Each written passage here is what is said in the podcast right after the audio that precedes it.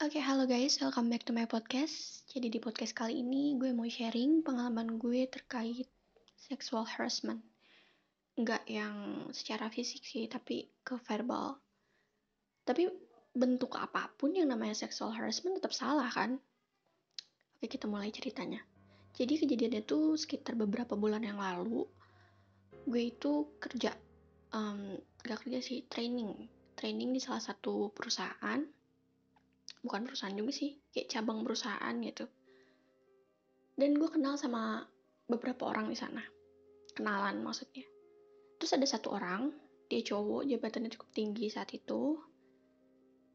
Dan menurutku dia asik isi going juga gitu. Jadi gue fine fine aja untuk ngobrol sama dia seperti gue ngobrol sama anak-anak yang lain gitu.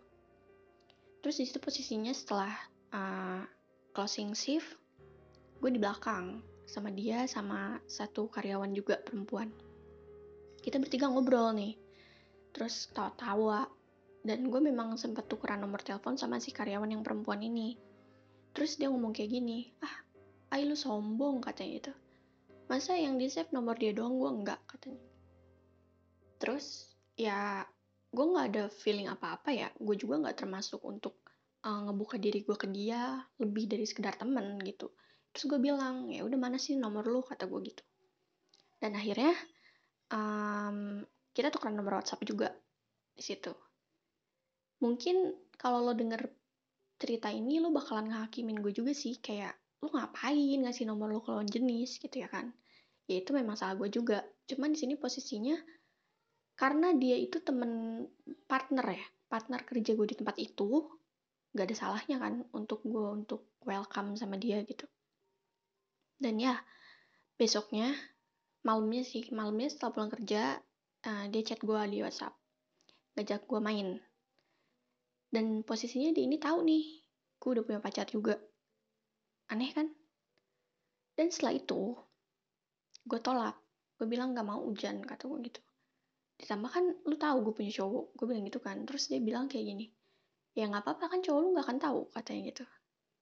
Ya kalau misalnya lo nangkep nih di sini aja dia udah red flag banget. Udah chic banget pokoknya udah GWS banget deh pokoknya. Tapi uh, eh, gak gue balas tuh chatnya gue dimin sampai besoknya dia ngechat lagi karena dia sempet komen status WhatsApp gue gitu kan keadaannya gue lagi memang berantem sama doi gue dan seperti biasa perempuan ya kalau misalnya lagi galau-galau gitu dia pasti upload di story kan ya di WhatsApp gitu dia nanya nih kenapa? katanya gitu.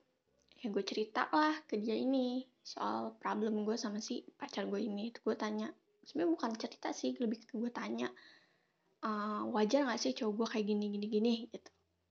Terus dia bilang enggak lah udah gak sehat cowoknya gini katanya taksik lah apalah gitu.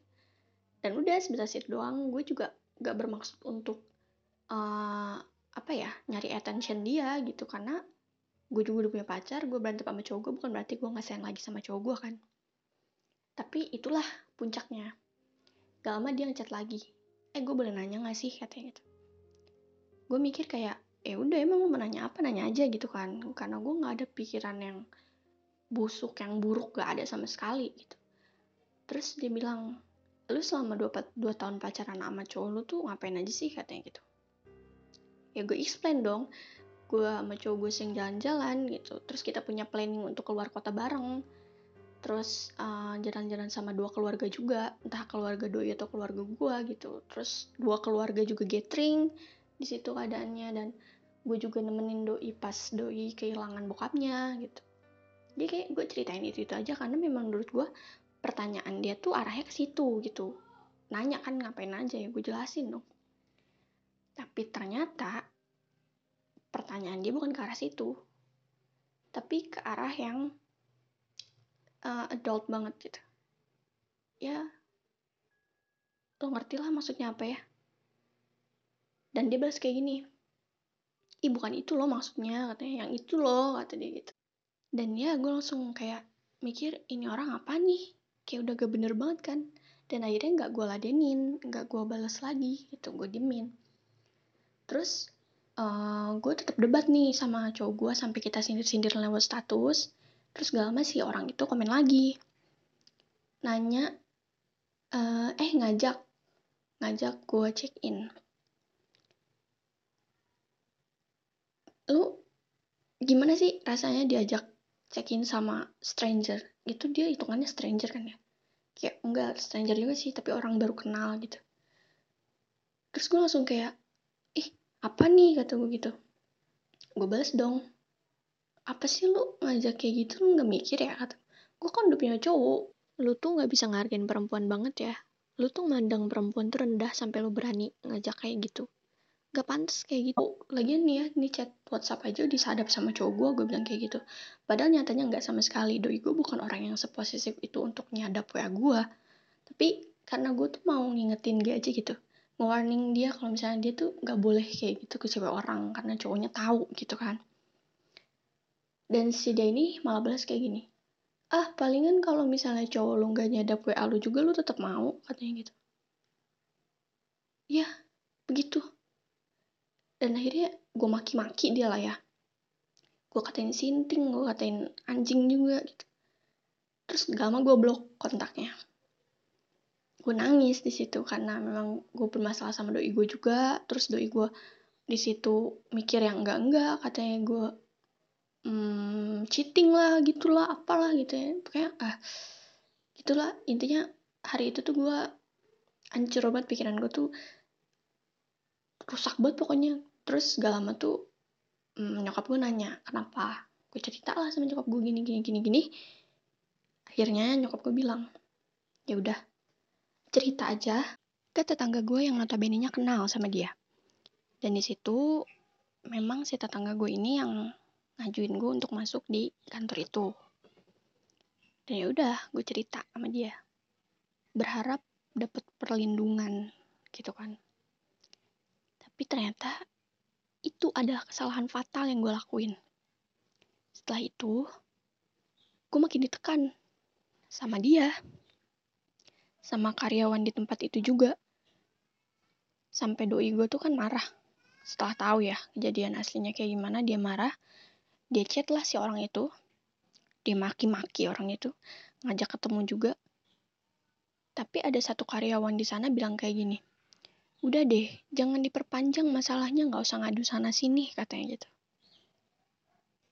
Kalau menurut lu ngaduin permasalahan sexual harassment itu salah, tolong kasih tahu gua. Tapi kalau misalnya kalian mikir ini nggak salah, berarti yang salah itu dari mereka kan, otak mereka yang salah gitu. Dan gue pun nggak ada apa ya nggak ada pikiran untuk ngadu ke siapa pun sama sekali itu kayak gue ngapain mikir ngadu-ngadu ke orang gitu. Sama aja gue kayak nyebarin aib gue sendiri ya kan? Dan sebenarnya saudara gue ini salah satu anggota organisasi masyarakat gitu. Jadi kayak punya power lah di kawasan situ ya saudara gue nih. Terus si tetangga gue bilang ke nyokap itu jangan sampai si ayah ngadu ke saudaranya katanya gitu. nanti jadi panjang urusannya takutnya di diapa-apain katanya gitu. Kalau secara logika gue mau ngapa-ngapain orang itu ya? Mau sampai dibawa ke jalur hukum tuh sama saudara gue pun itu udah wajar kan? Secara dia ngelakuin sexual harassment ke gue secara verbal dan dia nggak menyesali perbuatan itu malah nganggep kalau misalnya kata-kata sumpah serapa yang gue bilang itu sebuah bentuk penolakan karena gue jaim. Karena katanya kalau misalnya cowok gue nggak tahu gue tetap mau katanya gitu. Di situ gue kaget dong. Kayak loh gue kan korban di sini. Gue kan orang yang apa ya yang butuh perlindungan di sini tapi kenapa dia yang dilindungin dia yang nggak boleh digebukin dia yang nggak boleh diserang sama orang gitu. Nggak boleh ada yang tahu juga gitu kan. Kenapa? Harusnya kan di sini terserah gue untuk uh, cerita ke siapa pun minta perlindungan ke siapa pun dan dia diadili dengan baik gitu. Karena menurut gue gini sesepele apa pun ucapan kalau dia udah mengarah ke sexual harassment itu harus ada tindaknya harus ada hukumannya harus ada sanksinya gitu. Biar dia punya efek jerah dan gak akan ada lagi orang-orang yang jadi korbannya gitu loh. Dan fatalnya lagi orang yang bilang jangan diperpanjang masalah pertama kali adalah karyawannya uh, bawahan dia yang perempuan juga. Aneh kan? Dia perempuan dia tahu nih gue korban sexual harassment dari si atasannya ini. Tapi dia malah bilang gue tuh nggak boleh memperpanjang masalah katanya gitu. Gue tuh hari itu tuh beberapa bulan kemarin tuh sempat mikir kayak oh berarti gue worthless ya. Sampai orang tuh ngechat gue untuk ngajak kayak gitu berarti gue memang seburuk itu gitu gue mikirnya kayak gitu. Gue setiap malam tuh masih kepikiran kayak ajakan dia tuh oh gue worthless banget. Gue masih mikir sejelek itu tentang diri gue sendiri karena memang orang-orang pada ngebela dia ngebela dia juga kan jadi gue mikir berarti gue yang salah di sini. Tapi setelah gue gue lihat nih banyak kasus orang yang jadi korban sexual harassment, terus mereka uh, bikin tweet di Twitter, mereka speak up ke sana ke sini. Masih ada orang-orang yang ngedukung juga. Karena menurut mereka pelaku sexual harassment itu memang perlu ditindak, perlu dihukum, perlu dikasih sanksi yang berat juga gitu biar dia punya efek jerak. Jadi dia nggak perlu ngerendahin orang-orang lagi. Baik itu ngerendahin perempuan ngelecehin perempuan atau ngelecehin pihak laki-laki. Karena menurut gue nih ya pelaku sexual harassment itu nggak cuma laki-laki tapi perempuan juga bisa bisa ngelakuin sexual harassment ke laki-laki. Karena namanya orang yang udah gila dia bakalan ngelakuin itu ke siapa pun mau itu laki-laki atau mau itu perempuan mereka bisa ngelakuin itu. Dan tujuan gue untuk speak up ini karena gue mau ngasih efek jerak biar setelah gue nanti nggak ada lagi perempuan-perempuan yang suatu saat nanti bisa dilecehin lagi sama si orang itu. Dan doi gue pun nggak terima gitu ya. Kayak doi gue mama gue nggak terima karena misalnya anaknya atau pacarnya juga dilecehin secara verbal sama si orang brengsek ini dan kalaupun suatu saat nanti gue ngadu nih sama saudara gue yang anggota ormas itu, gue jamin deh, dia juga gak akan terima. Karena memang saudara gue yang itu tuh sayang banget sama gue gitu kan. Jadi kayak uh, ngeprotek gue banget gitu. Makanya si tetangga gue takut nih kalau gue ngaduin masalah ini ke tetangga gue, eh ke saudara gue gitu. Padahal gue gak sih kalau gue mau ngadu.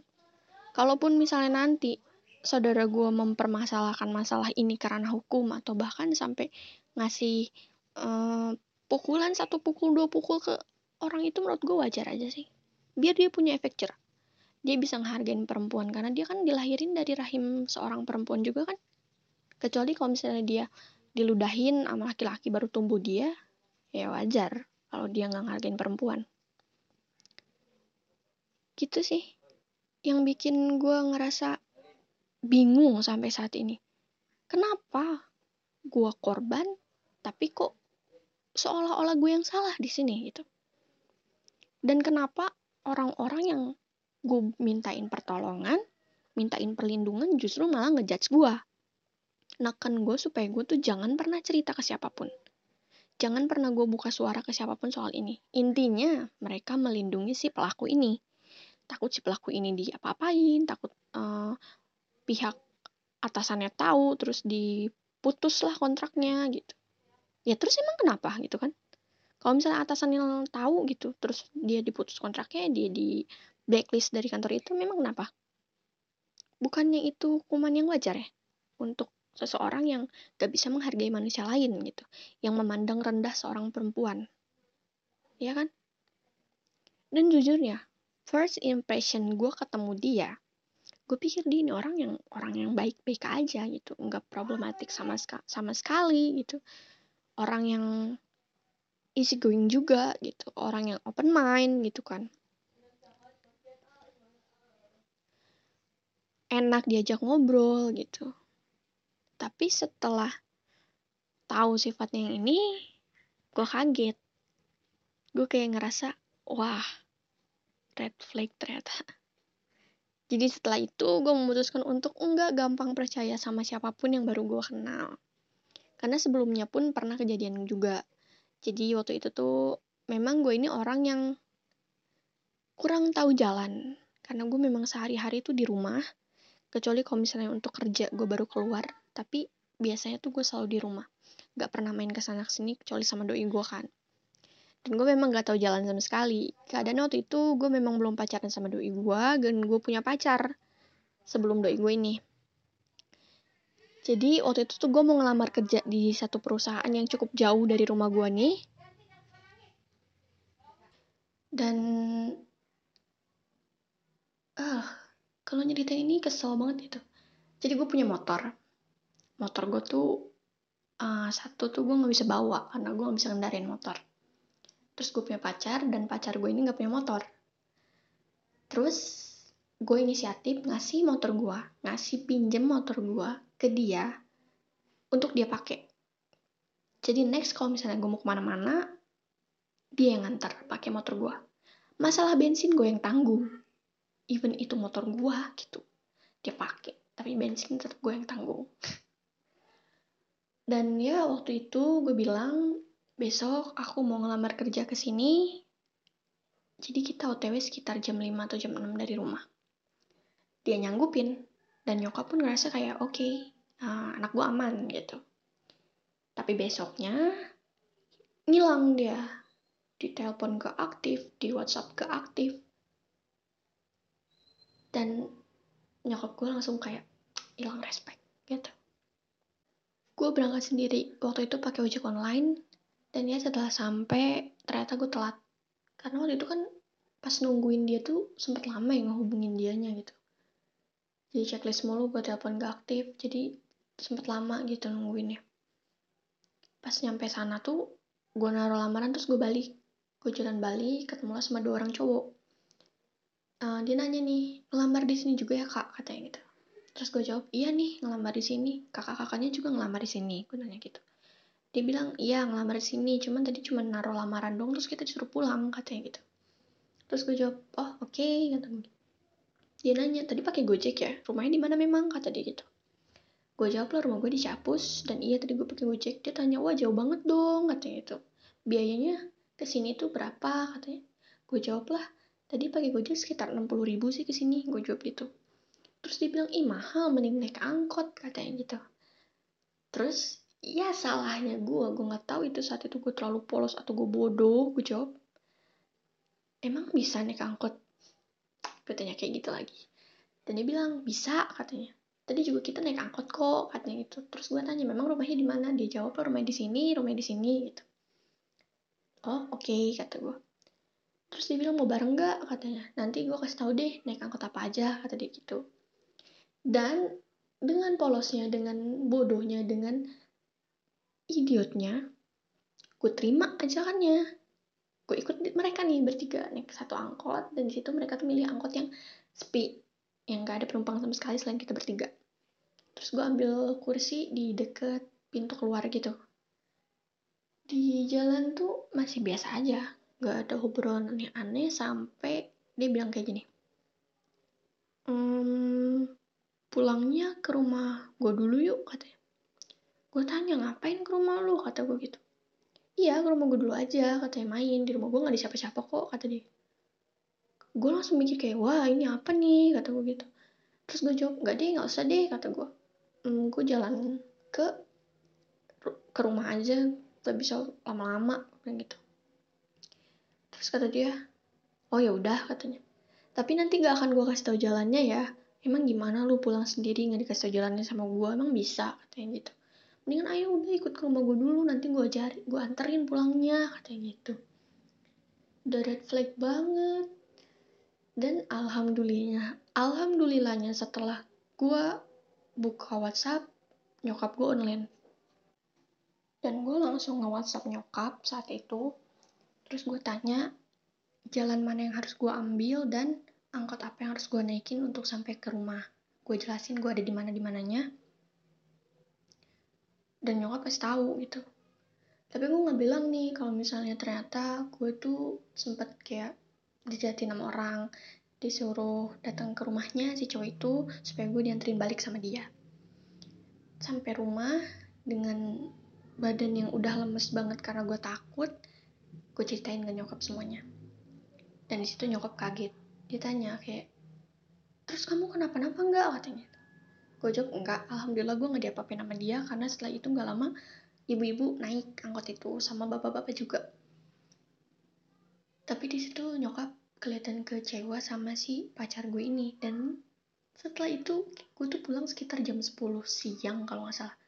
Gue berangkat jam setengah tujuh nyampe sana jam sekitar jam 8 lewat. Terus diem dulu gitu terus sampai rumah tuh sekitar jam 10 deh. Setelah jam 10 dia tuh masih belum aktif si mantan gue ini bukan pacar gue pacar gue saat itu si mantan gue ini masih belum aktif juga nomornya. Setelah jam setengah satu siang dia baru aktif. Dia bilang maaf aku baru bangun tidur. Nggak lama dia langsung ke rumah. Dan di situ lo bisa tebak lah ekspresi nyokap gue seperti apa ke dia. Gue juga ceritain ya tadi ada cowok gini gini. Gini terus dia bilang gimana orangnya? Sini aku samperin katanya gitu. Ya memang dia tipikal orang yang so jagoan tapi ya minim tindakan gitu. Dia nggak bisa ngelindungin ceweknya. Udah dua kali begitu. Pertama sama orang-orang mabuk waktu balik kerja dan sekarang seperti itu. Itu termasuk pengalaman-pengalaman gue yang buruk terkait laki-laki. Tapi gue nggak pernah ngecap semua laki-laki itu sama sama buruknya sama si orang-orang yang gue temuin kemarin gue masih apa ya masih merespon laki-laki dengan baik gitu. Gue masih kayak mikir oh iyalah yang buruk dong yang gue temuin. Tapi kan belum tentu semuanya seperti itu gue mikirnya gitu. Jadi nimbulin trauma juga sih. Gue kayak gak mau terlalu berprasangka baik ke laki-laki yang baru gue temuin. Makanya gue susah banget untuk bisa welcome sama laki-laki untuk apa ya masuk ke dunia gue gitu. Jadi temen gue aja susah banget. Bukan gue picky gue bukan uh, orang yang sok cantik atau apa enggak. Tapi karena gue melindungi diri gue gitu bentuk penjagaan diri gue setelah kejadian yang udah-udah. Dan kalaupun gue akhirnya berhasil berteman sama satu orang gue ceritain kejadian ini mereka juga ngerti. Jadi kenapa gue naruh shield yang tebal banget sampai nggak bisa ditembus sama orang untuk jadi teman gue bahkan perempuan pun nggak bisa gitu. Makanya gue sering banget sendiri. Kalaupun gue main itu paling sama temen yang sama gue dari SD gitu. Terus kalau nggak sama doi gue gitu aja sih. Karena masih punya rasa hmm, ada backsoundnya. Masih punya rasa takut sama orang yang baru gue kenal gitu. Dan buat kalian nih pengalaman gue tuh semoga bisa menginspirasi juga. Menginspirasi apa? Apa ya? Jadi pembelajaran lah gitu. Intinya jangan terlalu percaya sama orang baru. Jangan terlalu ngebuka diri sama orang baru. Even untuk itu cuma untuk temenan jangan deh. Karena ngeri. Banyak orang yang setelah kita buka diri kita tuh malah jadi seenaknya dan buat lo nih, orang yang beberapa bulan lalu mengucapkan kata-kata yang tidak pantas ke gue, semoga lo bisa kena karmanya. Tapi setelah itu memang kena karma sih. Di perusahaan itu kena sanksi karena ternyata mereka melakukan kecurangan. Hi, doa gue itu. Enggak sih, bukan doa gue. Apa ya? Lebih ke hukuman Tuhan gitu loh tapi semoga setelah itu dia berhenti deh untuk ngendahin perempuan ngedeketin promo perempuan untuk ngajak yang enggak-enggak gitu. dan ya setelah dia keciduk sama atasannya pun dia malah bilang kalau itu bercanda. Terus dia bersikap seolah-olah gue yang gak nerima candaan. Sih betapa sakitnya otak dia ini. Bahkan ayam aja setuju. Udah sih segitu aja.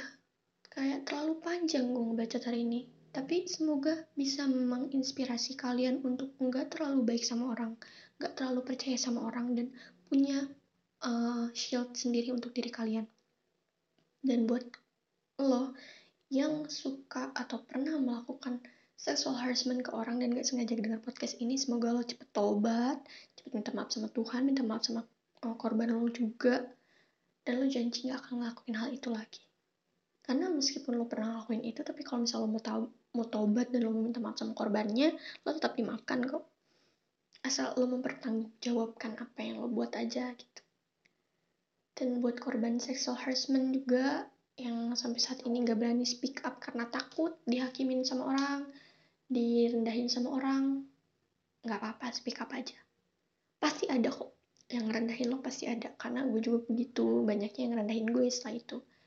Tapi kalau misalnya lo nggak speak up bahkan ada orang-orang yang seperti lo lagi bahkan ada korban-korban selanjutnya bahkan mungkin bisa lebih parah dari lo. Jadi nggak apa-apa kok buat speak up. Itu hak lo. Lo mau cerita sama siapa pun itu hak lo.